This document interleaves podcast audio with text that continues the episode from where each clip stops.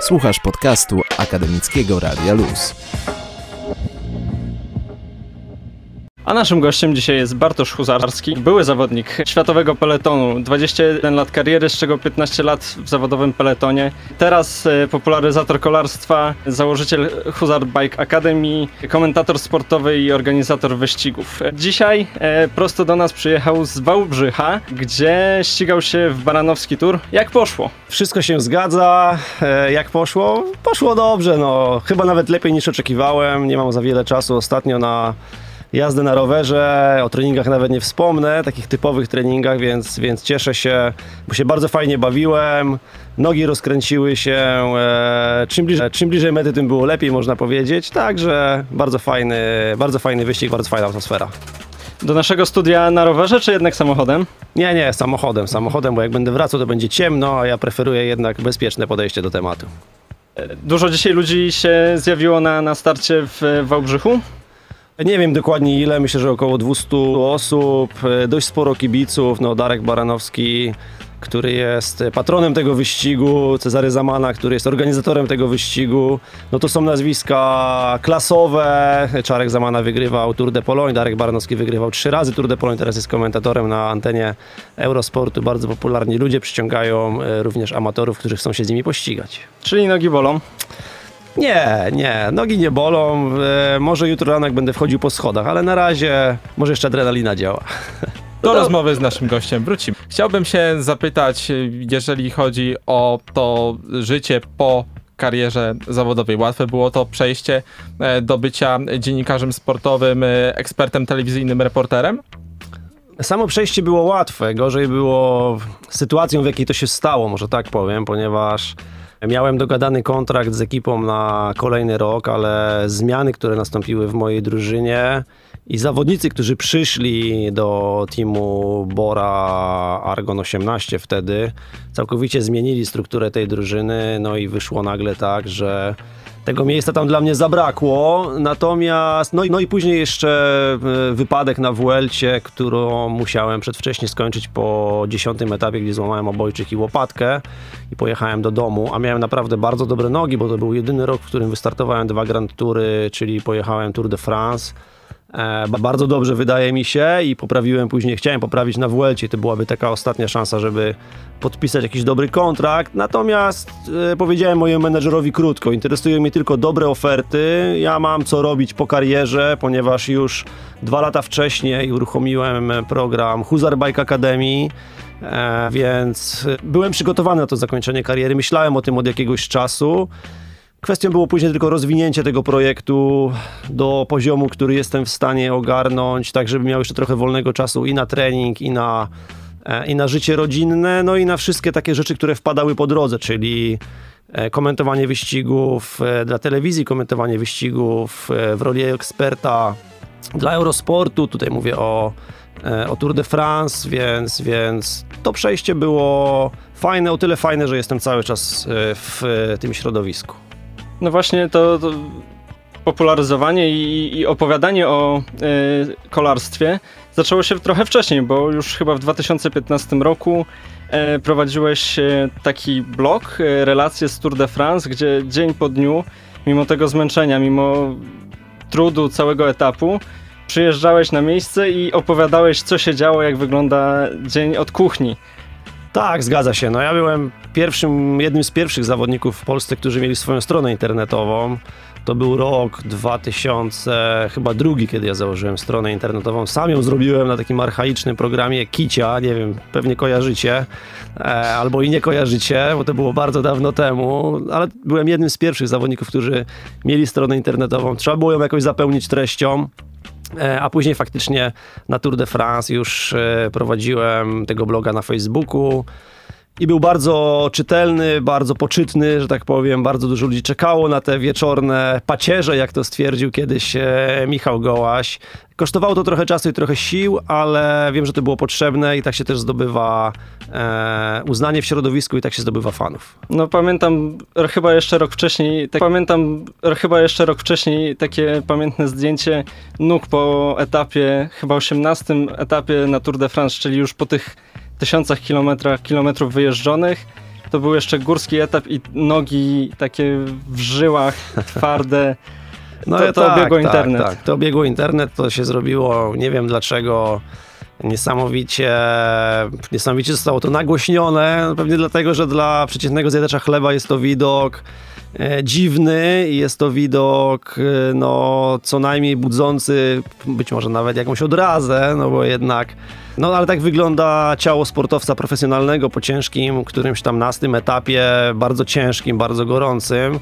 Jeżeli ktoś ma poziom tłuszczu na poziomie 4 do 5% na takim wyścigu, e, a jeszcze ja mam taką budowę, że mam płytko położone żyły, więc e, te żyły u mnie widać przez cały rok, na rękach przynajmniej, no na nogach trochę gorzej, przynajmniej teraz, kiedy od kilku lat już nie jeżdżę tak ambitnie i, i długo na rowerze no to faktycznie miałem zaproszenia nawet do jakichś programów w Stanach, żeby tam opowiadać o tych moich nogach, ale biuro prasowe na szczęście szybciutko ucinało takie dywagacje i, i, nie musiałem nigdzie latać. W środowisku ludzie zastanawiali się skąd w ogóle takie wielkie halo, no bo dla większości jest to widok normalny, no ale wiadomo, jak internet podłapie jakiś temat, który jest e, dla co po niektórych sensacją, to będą to drążyć do upadłego i to trwało ho, ho, chyba do końca roku.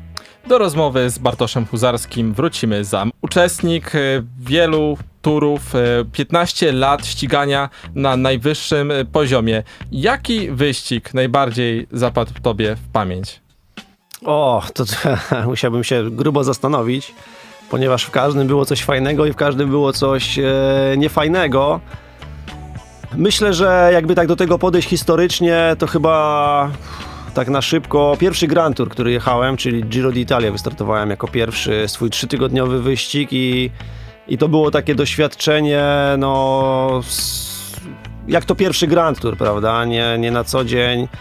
Jest możliwość wystartowania w takim wyścigu. W ogóle jest wielu kolarzy w zawodowym peletonie, którzy nigdy nie jechali Grand Touru. Zawsze mamy co roku na tych największych wyścigach jakichś debiutantów, więc obstawiałbym Giro, no ale każdy jeden start, na przykład w Tour de Pologne, wiązał się z wielkimi emocjami, ponieważ przyjeżdżała zawsze rodzina, kibice. Miałem świetny fanklub, który bardzo serdecznie pozdrawiam i oni jeździli za mną na, na Tour de Pologne, robili tam świetne show i bardzo fajnie się bawili. Jak się przygotowuje właśnie do takich e, turów jak Tour de Pologne czy Tour de France?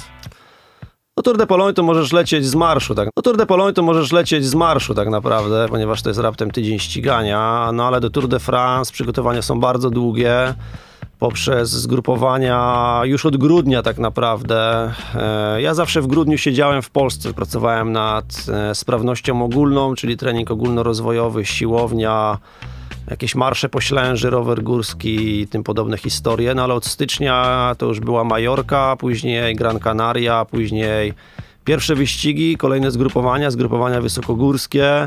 No i tak naprawdę do takiego wyścigu trzeba podchodzić kompleksowo, czyli trening, masa, trening, masaż, odpoczynek yy, i dieta. Nie? To są te cztery najważniejsze rzeczy, na które zawodnik musi zwracać uwagę, ponieważ no, musimy zejść z wagą do optymalnego poziomu, nie za nisko i nie za wysoko. Forma też musi być dobra, ale nie topowa, ponieważ mamy trzy tygodnie ścigania przed sobą, więc ten organizm jeszcze musi mieć parę dni, żeby dojść do tej topowej formy. No nie jest to łatwe do zrobienia, ale po tylu latach jakoś dawałem już później radę. Kończą się przygotowania, zaczyna się wielki tour, taki trzytygodniowy, wielki tour, taki trzytygodniowy. Jak wygląda taki zwykły dzień ścigania od rana, od, od kiedy się wstaje do, do, do samego końca, do, do zaśnięcia? Wiadomo, śpi się do oporu. Tak prawdę mówiąc, śpi się do oporu, śpi się wszędzie i zawsze, kiedy jest e, możliwość, ponieważ jedna godzina snu dziennie więcej w perspektywie tych 21 etapów plus dwa dni wolne, czyli mamy 23 dni, daje nam jeden dzień na regenerację więcej w stosunku do tych, którzy tej jednej godziny nie śpią, więc tak naprawdę śpi się bardzo dużo. No śpimy, nie wiem, do 9, 10, zależy o której jest start. Jeżeli załóżmy, że start jest o godzinie 12, no to trzeba wstać o tej 8.30, 8.45, tak żeby o 9 zacząć śniadanie. Zawsze 3 godziny przed startem jest śniadanie. Później po śniadaniu, w zależności od tego, jak długi jest transfer na start, no to odpowiednio wcześniej trzeba wyjechać, tak żeby mi minimum godzinę 15 być już na starcie na parkingu. Ostatnie przygotowania, wiadomo, jest odprawa, e, zawsze coś można przekąsić, przebieramy się, ponieważ na start jedziemy w cywilnych rzeczach, przebieramy się dopiero w autobusie. Trzeba zawsze podpisać listę startową, która jest zamykana 10 minut przed startem. Później jedziemy wyścig. Po etapie szybko do autobusu. W autobusie mamy prysznicę, więc od razu się kąpiemy, zakładamy jakieś ciuchy kompresyjne. E, Pierwszy posiłek regeneracyjny, normalny, plus jakieś e, proteiny, takie rzeczy, żeby trochę przyspieszyć ten proces. I co? Jedziemy do hotelu. W hotelu maksymalnie godzinę powinno się czekać na masaż, więc tak naprawdę każdy za. Dla jednego zawodnika, na dwóch zawodników jest jeden masażysta. Na dwóch zawodników jest jeden masażysta. E, I oni się wymieniają. Raz jeden idzie pierwszy, raz drugi, ale ci liderzy i zawodnicy tacy, no, którzy mają walczyć, mają przypisanego sobie na przykład jednego masażystę, żeby to było jak najszybciej. Kolacja, po kolacji no też można chwilę wieczorem posiedzieć, poczytać książkę czy porozmawiać, no bo nie pójdziemy spać o 10, no bo żeby 12 godzin później spać, jest czasami ciężko. Więc trzeba to tak wyśrodkować i wy, wybazować, żeby no najlepiej jakby nas obudził budzik i żebyśmy wstali yy, wyspani się. Wiem, że Wyspani się. Wiem, że niektórzy kolarze, chyba większość, objeżdża sobie przed czasówkami trasę, a przy dłuższych etapach też to jest możliwe? Jakiś, jakiś objazd? E, Jeżeli, chodzi o dłuższe etapy, to trzeba po prostu pojechać na rekonesans przed wyścigiem. E, Kilka dni czy kilka tygodni przed wyścigiem niektóre drużyny stosują właśnie taki rekonesans głównych, najważniejszych odcinków górskich, alpejskich czy pirenejskich na, dajmy na to, na Tour de France. E, Nie ma, nie ma szansy zrobienia tego na wyścigu, ponieważ nie ma kiedy. Nawet w dzień wolny jedzie się na trening, no ale to jesteś w tym mieście, gdzie masz hotel i najczęściej etapy są z punktu A do punktu B. Jest to wszystko rozrzucone.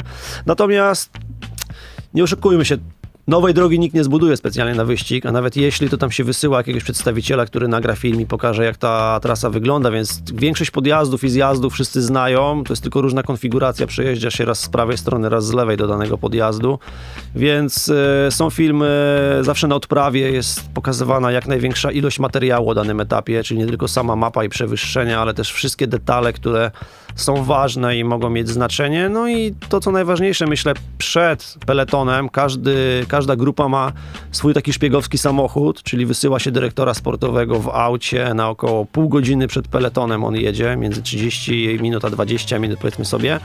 I on przekazuje szybko wszystkie informacje o tym, jak wieje wiatr, o wszystkich niebezpieczeństwach, zwężeniach, mostkach, jak wygląda podjazd, jak wygląda asfalt, i to jak wygląda podjazd, jak wygląda asfalt, i to później jest nam przez radia przekazywane w czasie wyścigu. Byłeś w zawodowym e, peletonie od 2002 roku. Co się zmieniło w ciągu twojej kariery w kolarstwie? Chyba wszystko się zmieniło tak naprawdę od, od, od tego roku.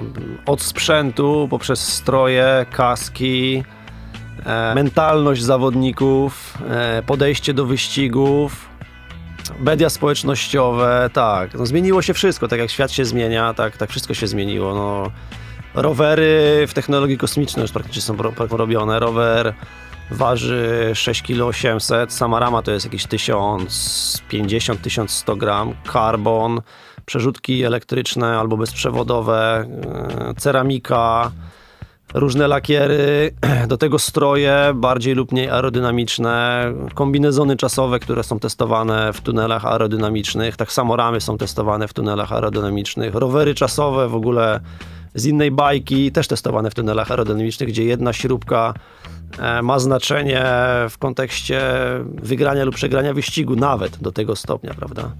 Były, Także- były, były tak. gdzieś e, jakiś czas temu próby wyłączenia łączności z, z drużyną, z dyrektorem sportowym. Jak się do tego odniesiesz? Fajny pomysł, czy, czy nie bardzo? To znaczy, my jeździliśmy i z radiami, i bez radii, bo ja przeżyłem ten okres, że się jeździło z radiem, jeździło się bez radia, nie miało to większego wpływu na wynik na mecie. E, Była też dość długa dyskusja w zeszłym roku w, e, w środowisku CPA, czyli Stowarzyszenia Zawodowych Kolarzy, której byłem członkiem do końca zeszłego roku. Były takie pomysły, żeby na przykład wszyscy zawodnicy dostawali te same informacje od radia wyścigu, takie alerty bezpieczeństwa. Natomiast to nie weszło w życie.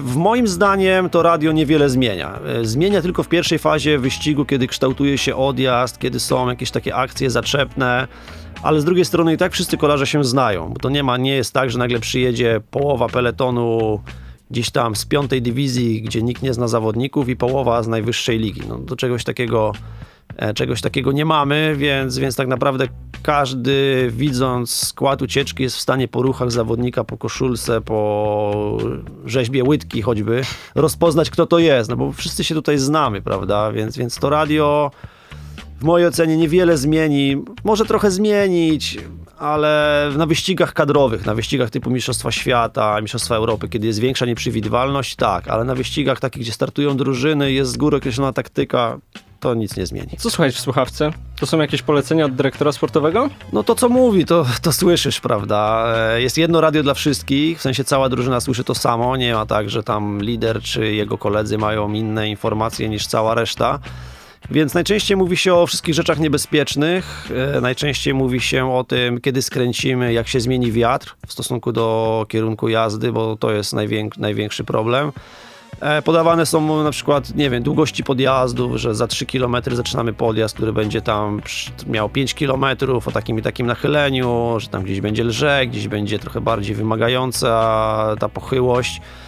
E, przypominają o tym, żeby jeść i pić, e, na którym jesteśmy więcej kilometrze. No takie tam, czasami, czasami się nic nie dzieje, więc nic nie mówią przez cały wyścig. A, a czasami jak jest nerwowo, wietrznie, jakieś odcinki bruku, e, wiatru, deszczu, no to w tym radiu, w radiu tam jest kocioł cały czas. No i też zawodnicy między sobą rozmawiają, więc mogą się nawet wspólnie gdzieś tam nawoływać i ustalać, ustalać jakąś taktykę, bo nie zawsze uda się e, spotkać, że tak powiem, w tym, w tym peletonie stu tam 90 kilku ludzi wszystkim razem, więc przez radio można pewne rzeczy ustalić. Czyli to, Czyli to nie jest tak, że y, dyrektor sportowy ustala taktykę i mówi teraz y, podkręć tempo, usmażycie tego, tylko raczej indywidualne. Czyli to nie jest tak, że y, dyrektor sportowy ustala taktykę i mówi teraz podkręć tempo, usmażycie tego, tylko raczej indywidualne decyzje zawodników. Znaczy taktyka jest ustalana w autobusie przed startem, natomiast taktyka zawsze musi być dostosowana do sytuacji na wyścigu, prawda? Jeżeli mamy nie wiem, trzeciego zawodnika w klasyfikacji generalnej i jedziemy podjazd i widzimy, że drugi nie wygląda najlepiej, no to automatycznie zawodnicy podejmują decyzję, że gość wygląda słabo, spróbujmy go odczepić, nasz lider awansuje jedno miejsce wyżej, prawda? To już jest kwestia inteligencji inteligencji lidera, inteligencji kapitana, bo to też czasami są dwie różne osoby. Trzy lata temu stwierdziłeś, że współczesne kolarstwo przestaje być zabawne. Podtrzymujesz to zdanie? Myślę, że tak, myślę, że tak, ponieważ jak myślę, że tak, myślę, że tak, ponieważ jak ja przychodziłem do tego zawodowego peletonu, to była tam bardzo duża spontaniczność i i byli kolarze tacy jak Mario Cipollini, który potrafił na Harley'u przyjechać, podpisać listę startową, albo na koniu, na przykład przebrany za Cezara. Teraz czegoś takiego nie ma. Peter Sagan próbuje gdzieś tam trochę ten peleton wyluzować, że tak powiem, no ale jeden człowiek niewiele jest w stanie zmienić. Poza tym w pewnym czasie, gdzieś tak mniej więcej w roku 2007, 2009 może, był bardzo duży napływ zawodników e, ze Stanów, z Australii na szosę i oni wprowadzili taką stresującą taktykę, że wszyscy jeżdżą razem, cała drużyna od startu gdzieś tam jest blisko siebie, prawda? Bo jak zawieje, to żebyśmy byli razem. No ale jak nie wieje i prognoza mówi, że nie będzie wiało, to po co wprowadzacie taką stresującą atmosferę? No ale w pewnym momencie to zaczęło przynosić efekty. No i teraz mamy takie, taką sytuację, że jest na Tour de France na przykład start i sześć drużyn z przodu zablokuje całą drogę, bo oni muszą mieć swojego lidera jak najbliżej czuba. E, więc, więc no, to jest niefajne, szczególnie jak się jeździło nie w najlepszych drużynach, tylko w takich trochę gorszych i człowiek szukał swojej szansy zawsze, zawsze w odjeździe i najczęściej było ciężko się w ogóle przepchać e, do przodu, więc tego polotu i takiej no, spontaniczności brakuje w tym kolarstwie. Zrobi się z tego trochę E, jak ja to mówię, korporacja, taki, taka korporacja, co nie? Czyli jest jakiś tam przywódca projektu, dajmy na to wyścig, czyli jest jakiś tam przywódca projektu, dajmy na to wyścigu, ma pod sobą ludzi i oni muszą wykonać plan, prawda? I tam stres jest od tygodnia przed wyścigiem, wysyłają jakieś mapki, rozpiski, i w ogóle cudawianki. Na szczęście nie muszą kolarze wypełniać później żadnych e, dokumentów, jak poszło, ale dyrektorzy sportowi muszą e, podsumować na przykład udział każdego zawodnika w danym wyścigu. To też zależy od drużyny, no ale różne tam wprowadzają menadżerowie rozwiązania, żeby określić też wartość danego zawodnika, no bo nie określa się wartości zawodnika tylko poprzez wygrane wyścigi, ale przez jego osobowość i pomoc dla drużyny. O tym, jak wygląda wyścig, jakie tak naprawdę znamy e, największe gwiazdy liderów, którzy wygrywają etapy, czy wygrywają e, całe, całe klasyfikacje generalne, czy, czy poszczególne punktowe, górskie, ale też na ich sukces pracują inni kolarze. Jak duży wpływ na, na sukces, ostateczny sukces tego lidera ma cała reszta zespołu? No, gigantyczny. Jeżeli lider jest, e, jakby to powiedzieć, są zawodnicy, którzy są w stanie wykorzystać w 100% pracę innych drużyn i wywieźć się na kole do samej mety i nawet wygrać coś. E, natomiast większość jednak potrzebuje wsparcia, bo to jest wsparcie też mentalne, nie tylko fizyczne, ale też psychiczne. Każdy lider czuje się lepiej, jeżeli widzi swoich kolegów z drużyny. Jeżeli mamy etap płaski i mamy sprintera, który na papierze wydaje się najlepszy, no to wiadomo, że trzeba na niego pracować, więc wtedy sześciu ludzi, siedmiu ludzi, bo składy są na przykład e, wcześniej były ośmioosobowe, teraz są siedmioosobowe, więc sześciu ludzi pracuje przez cały dzień na tego jednego, czyli mamy dwóch oddelegowanych do od samego początku do pilnowania sytuacji, czyli te, ten, ten odcinek, kiedy formuje się odjazd, oni muszą być z przodu i oni muszą e, wypuścić taką grupkę, która będzie łatwa do dogonienia pomimo wszystko, prawda? I od razu e, kontrolują sytuację, kontrolują przewagę. Wszystkie inne drużyny wiedzą, że na przykład ta czy ta ekipa będzie dzisiaj pracować, bo mają gościa, który teoretycznie ten wyścig bez problemu może wygrać. E, więc oni pracują tak długo jak mogą. Czasami jest to 100 km, czasami 150, czasami odbijają na 15 km do mety, no i wtedy wychodzi już ta esencja drużyny, która ma dodać ostatecznego gazu i wyprowadzić tego lidera na jak najlepszą pozycję, a jemu zostaje tak naprawdę 150-200 metrów e, sprintu, no ale to trzeba mieć odpowiednie nogi, żeby po przejechaniu tam 200-kilometrowego etapu przez te 150 czy 200 metrów wygenerować te odpowiednie waty. Takim chyba najbardziej cenionym w e, peletonie pomocnikiem. Ty byłeś dość wszechstronnym e, zawodnikiem, który potrafił się złapać w ucieczkę, pomóc kolegom z drużyny. Nie chciałeś być liderem? Nie, nie, nie. Ja nie chciałem być liderem. Nie miałem nóg na bycie liderem. E, przy dobrych wiatrach i naprawdę w dobrej formie potrafiłem powalczyć na poszczególnych etapach, ale nigdy bym nie pojechał trzytygodniowego wyścigu na klasyfikację generalną. To było dla mnie zdecydowanie za dużo. E, potrafiłem dojechać z najlepszymi do ostatniego kilometra, ale zwycięstwo na mecie nigdy nie było mi dane, jakimś takim, jakieś takie wyjątkowe zwycięstwo, wielkie zwycięstwo, ale byłem zawodnikiem wszechstronnym. Faktycznie potrafiłem pojechać w odjazd, potrafiłem bardzo dobrze wjechać taki podjazd do 10 km, potrafiłem rozprowadzić też sprintera w tym chaosie, który jest na tych płaskich etapach też się całkiem nieźle czasami odnajdowałem, więc yy, myślę, że byłem wartościowym zawodnikiem pomimo wszystko. Natomiast takich pomocników jak Sylwek Schmidt to było wielu, bo praktycznie w każdej, to było wielu, bo praktycznie w każdej drużynie jest jeden czy dwóch takich ludzi naprawdę oddanych i dobrych w tym, co robią. Teraz choćby Maciek Bodnar, prawda, który pracuje, pracował na Tour de Pologne dla Rafała Majki, czy na niektórych wyścigach pracuje dla, dla Petera Sagana. On potrafi przez 150-60 km jechać z przodu i dyktować tempo i doganiać czteroosobową ucieczkę sam, więc, więc takich zawodników naprawdę w historii peletonu mieliśmy bardzo dużo. Zmieniając, nie, nie dwa tygodnie temu odbyła się 76. edycja wyścigu kolarskiego Tour de Pologne. Jak oceniłbyś tegoroczną edycję? No, tegoroczna edycja była e, bardzo wyjątkowa. E, po pierwsze dlatego, że mieliśmy ten przykry wypadek śmiertelny na trasie Björk Lambrecht. Młody Bell zginął na trasie trzeciego etapu. Dowiedzieliśmy się o tym tak naprawdę 2-3 minuty po zakończeniu wyścigu, więc etap nie został przerwany.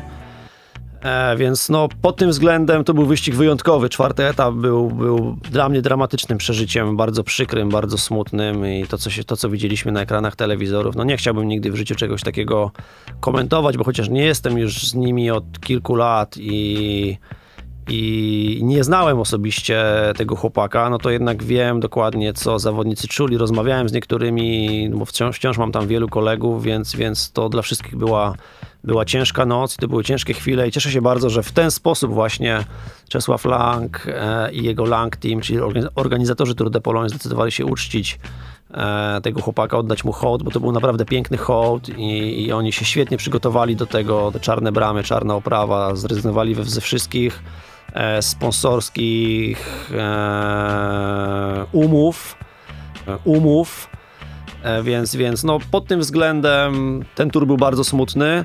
Smutny był też dlatego, że Polakom nie poszło. No nie oszukujmy się tutaj, nie wy- wywalczyliśmy żadnej koszulki, chociaż bardzo próbował Tomek Marczyński. Rafał Majka był jednym z faworytów, ale nie udało mu się wygrać No wyścigu. tak, Rafał, Rafał nie ścigał się od Tour de, od Giro d'Italia, e, szykował się na Vueltę, liczyliśmy na to, że pojedzie dobrze Tour de Polonia, ale jednak ta noga jeszcze nie kręciła się tak jak powinna. I Rafałowi się nie udało, skończył wyścig ok. W pierwszej dziesiątce to jest bardzo dobre miejsce, no ale jednak e, wszyscy liczyli tutaj na jakieś top 3. Oczywiście gdzieś tam liczyliśmy może, że uda mu się wygrać. No ale niestety nie udało się. Michał Kwiatkowski w ogóle nie przyjechał na wyścig, ponieważ po Tour de France musiał odpocząć, bo ewidentnie ewidentnie potrzebował, potrzebował y, odpoczynku, więc, więc no taki ten wyścig był w tym roku trochę, trochę gorzki dla nas. Parę nowości w trasie było. Ja mam nadzieję, że już Czesław zrezygnuje z tych etapów Bukowina Zakopany, że pojedziemy gdzieś dalej, bo już się wszystkim to przejadło i trochę ten wyścig stał się zbyt przewidywalny. Zawodnicy przyjeżdżając wiedzą, czego się mogą spodziewać i brakuje takiej spontaniczności, którą widzieliśmy na przedostatnim etapie, który był nowy i tam było chyba najlepsze ściganie na całym Tour de Pologne tegorocznym. A jaki ty byś miał pomysł na zwiększenie atrakcyjności Tour de Pol- zwiększenie atrakcyjności Tour de Pologne, jakieś inne etapy w innych miejscach? Co ty byś dodał, będąc e, organizatorem?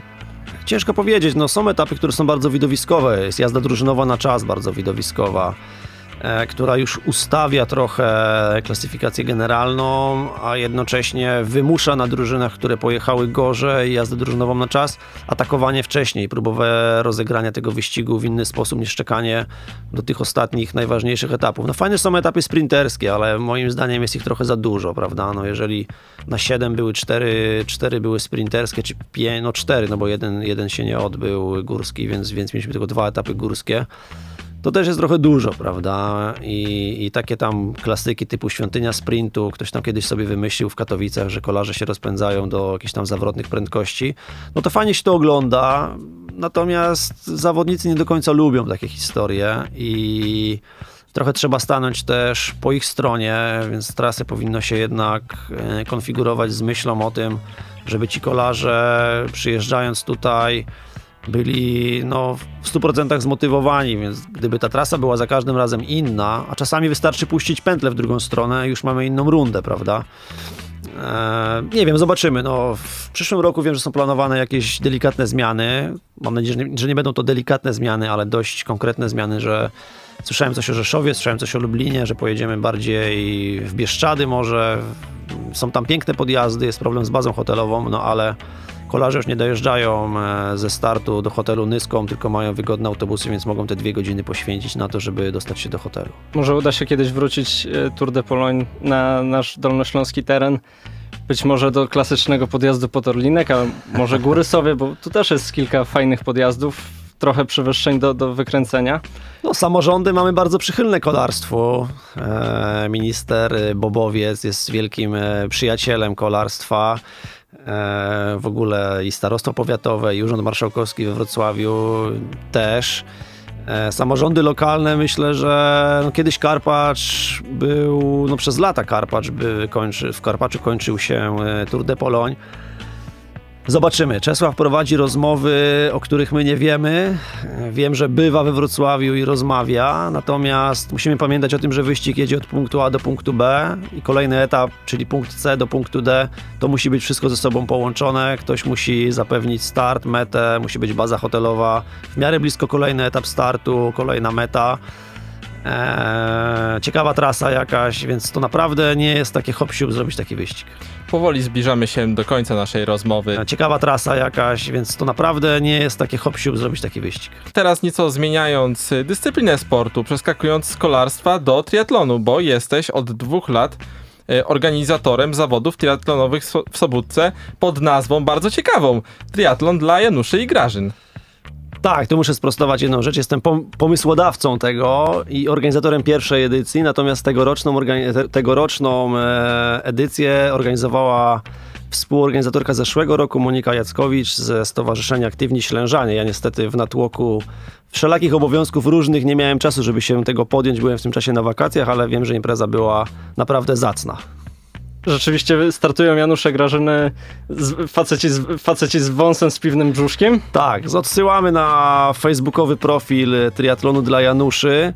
E, nazwa trochę śmieszna, prawda? No bo wpadło mi kiedyś do głowy, że chciałbym wystartować w triatlonie. Dziwił mnie ten boom na triatlon. To, że ludzie wydają tyle pieniędzy, żeby się zmęczyć, popływać, pojeździć na rowerze i pobiegać.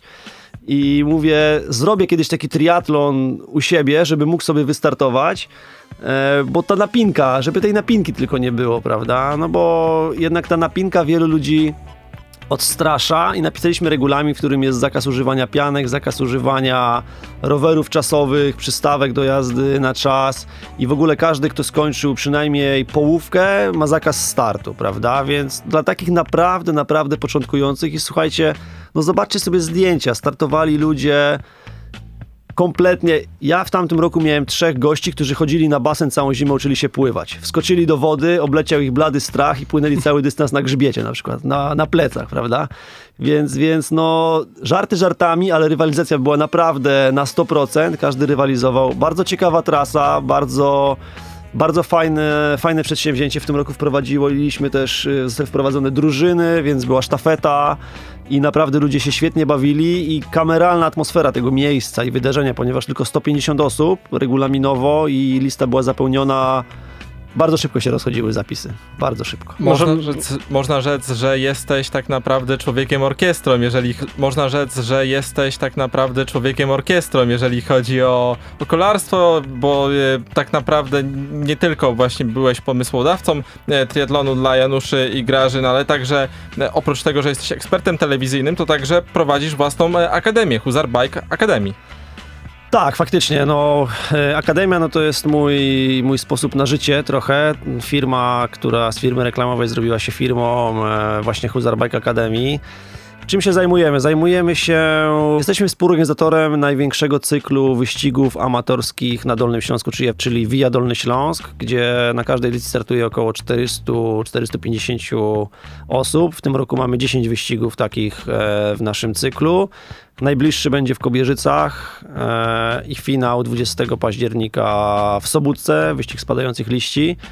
E, akademia jest złożona dwutorowo, czyli jeden, jeden, jedna odnoga Akademii to jest e, szkółka dla dzieciaków, dla najmłodszych, która w bardzo bliskiej kooperacji z klubem kolarskim Ślęża Sobótka Bike Academy szkoli dzieciaki, a druga odnoga to jest Akademia dla dorosłych, czyli wspólne treningi, plany treningowe, wyjazdy na wyścigi, zgrupowania i tym podobne rzeczy. To, czego ludzie potrzebują. W jakim wieku są dzieciaki w Akademii? Od 10 lat e, mamy oficjalne treningi, natomiast mamy też młodsze dzieci, ale żeby wyrobić kartę rowerową trzeba mieć 10 lat, więc wszyscy, którzy chcą przyjeżdżać sami na trening, no muszą mieć kartę rowerową i te 10 lat e, skończone, ale współpracujemy ze wszystkimi szkołami, z których mamy podopiecznych i e, staramy się, żeby te egzaminy na kartę rowerową były wiosną, wtedy kiedy e, my rozpoczynamy treningi, my rozpoczynamy treningi w terenie, treningi na szosie czy treningi na MTB, żeby te dzieciaki miały trochę więcej swobody. Nie? Jest duże zainteresowanie? Te sukcesy polskich kolarzy trochę spopularyzowały ten sport? No, jak były sukcesy,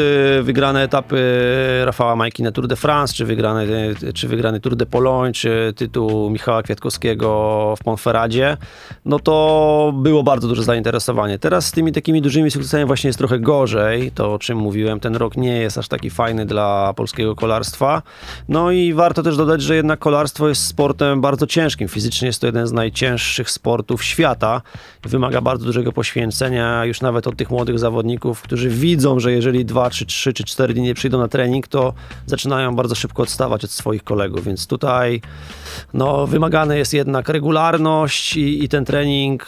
Wiadomo, że w tych wieku 10 lat to jest zabawa, oni mają treningu 40 minut, no ale już później w kategoriach juniorskich, junior młodszy, no to jest, to już jest piłowanie, to już jest trenowanie, prawdziwy trening. Zbliżamy się do końca audycji, to może tak na koniec, to może tak na koniec mała zabawa. Wczoraj się zaczął e, ostatni z wielkich turów e, Volta Spania. Kogo typujesz na e, faworyta do zwycięstwa? Faworyta mogą typować wczoraj. No dzisiaj Vuelta pokazała nam swoje piękne oblicze i nieprzewidywalność. Wczoraj na czasówce strocił bardzo dużo Roglic, którego stawiałem na podium. Eee, koszulkę wziął Lopez, który dzisiaj znowu stracił tą koszulkę i stracił do Roglicza około 40 sekund. Etap wygrał Quintana, co w ogóle jest fenomenem, ponieważ wszyscy mówili o tym, że będzie to wyścig dzisiejszy dla sprinterów, że powinien to być etap dla sprinterów. Tymczasem wygrywa jeden z lepszych górali świata i mieliśmy poszatkowany cały peleton w drobny mak, więc ciężko powiedzieć, jeżeli będą tak się ścigać dalej, to zobaczymy. No. Kolumbijczycy mają bardzo duże szanse. Jeżeli faktycznie wygra któryś z nich, no to będzie ustrzelą wszystkie trzy Grand Tury w tym roku, ale ja mam nadzieję, że Roglic e, jednak wygra. Tak samo mam nadzieję, że, że Roglic, chociaż fajnie by było, żeby, fajnie by było, żeby jednak Polak zdobył w końcu jakiś, jakiś sukces w tym roku. No ja myślę, że dla, dla Rafała wielkim sukcesem będzie top 5. Jeżeli będzie w najlepszej piątce, to będzie naprawdę bardzo dobrze. Chociaż powiedziałem kiedyś i podtrzymuję to, że Rafał jest zawodnikiem, który jest w stanie wygrać, e, wygrać Giro i wygrać Vueltę. E, Nie jest to zawodnik na Tour de France, natomiast na tych dwóch pozostałych Grand Tourach on spokojnie może walczyć o podium. Jak będzie teraz, zobaczymy. Kończymy audycję. Naszym, naszym gościem był dzisiaj Bartosz Huzarski. Dziękuję bardzo. Akademickie Radio Luz. Dzięki za słuchanie. Sprawdź więcej rozmów i podcastów na 916.fm. Do usłyszenia.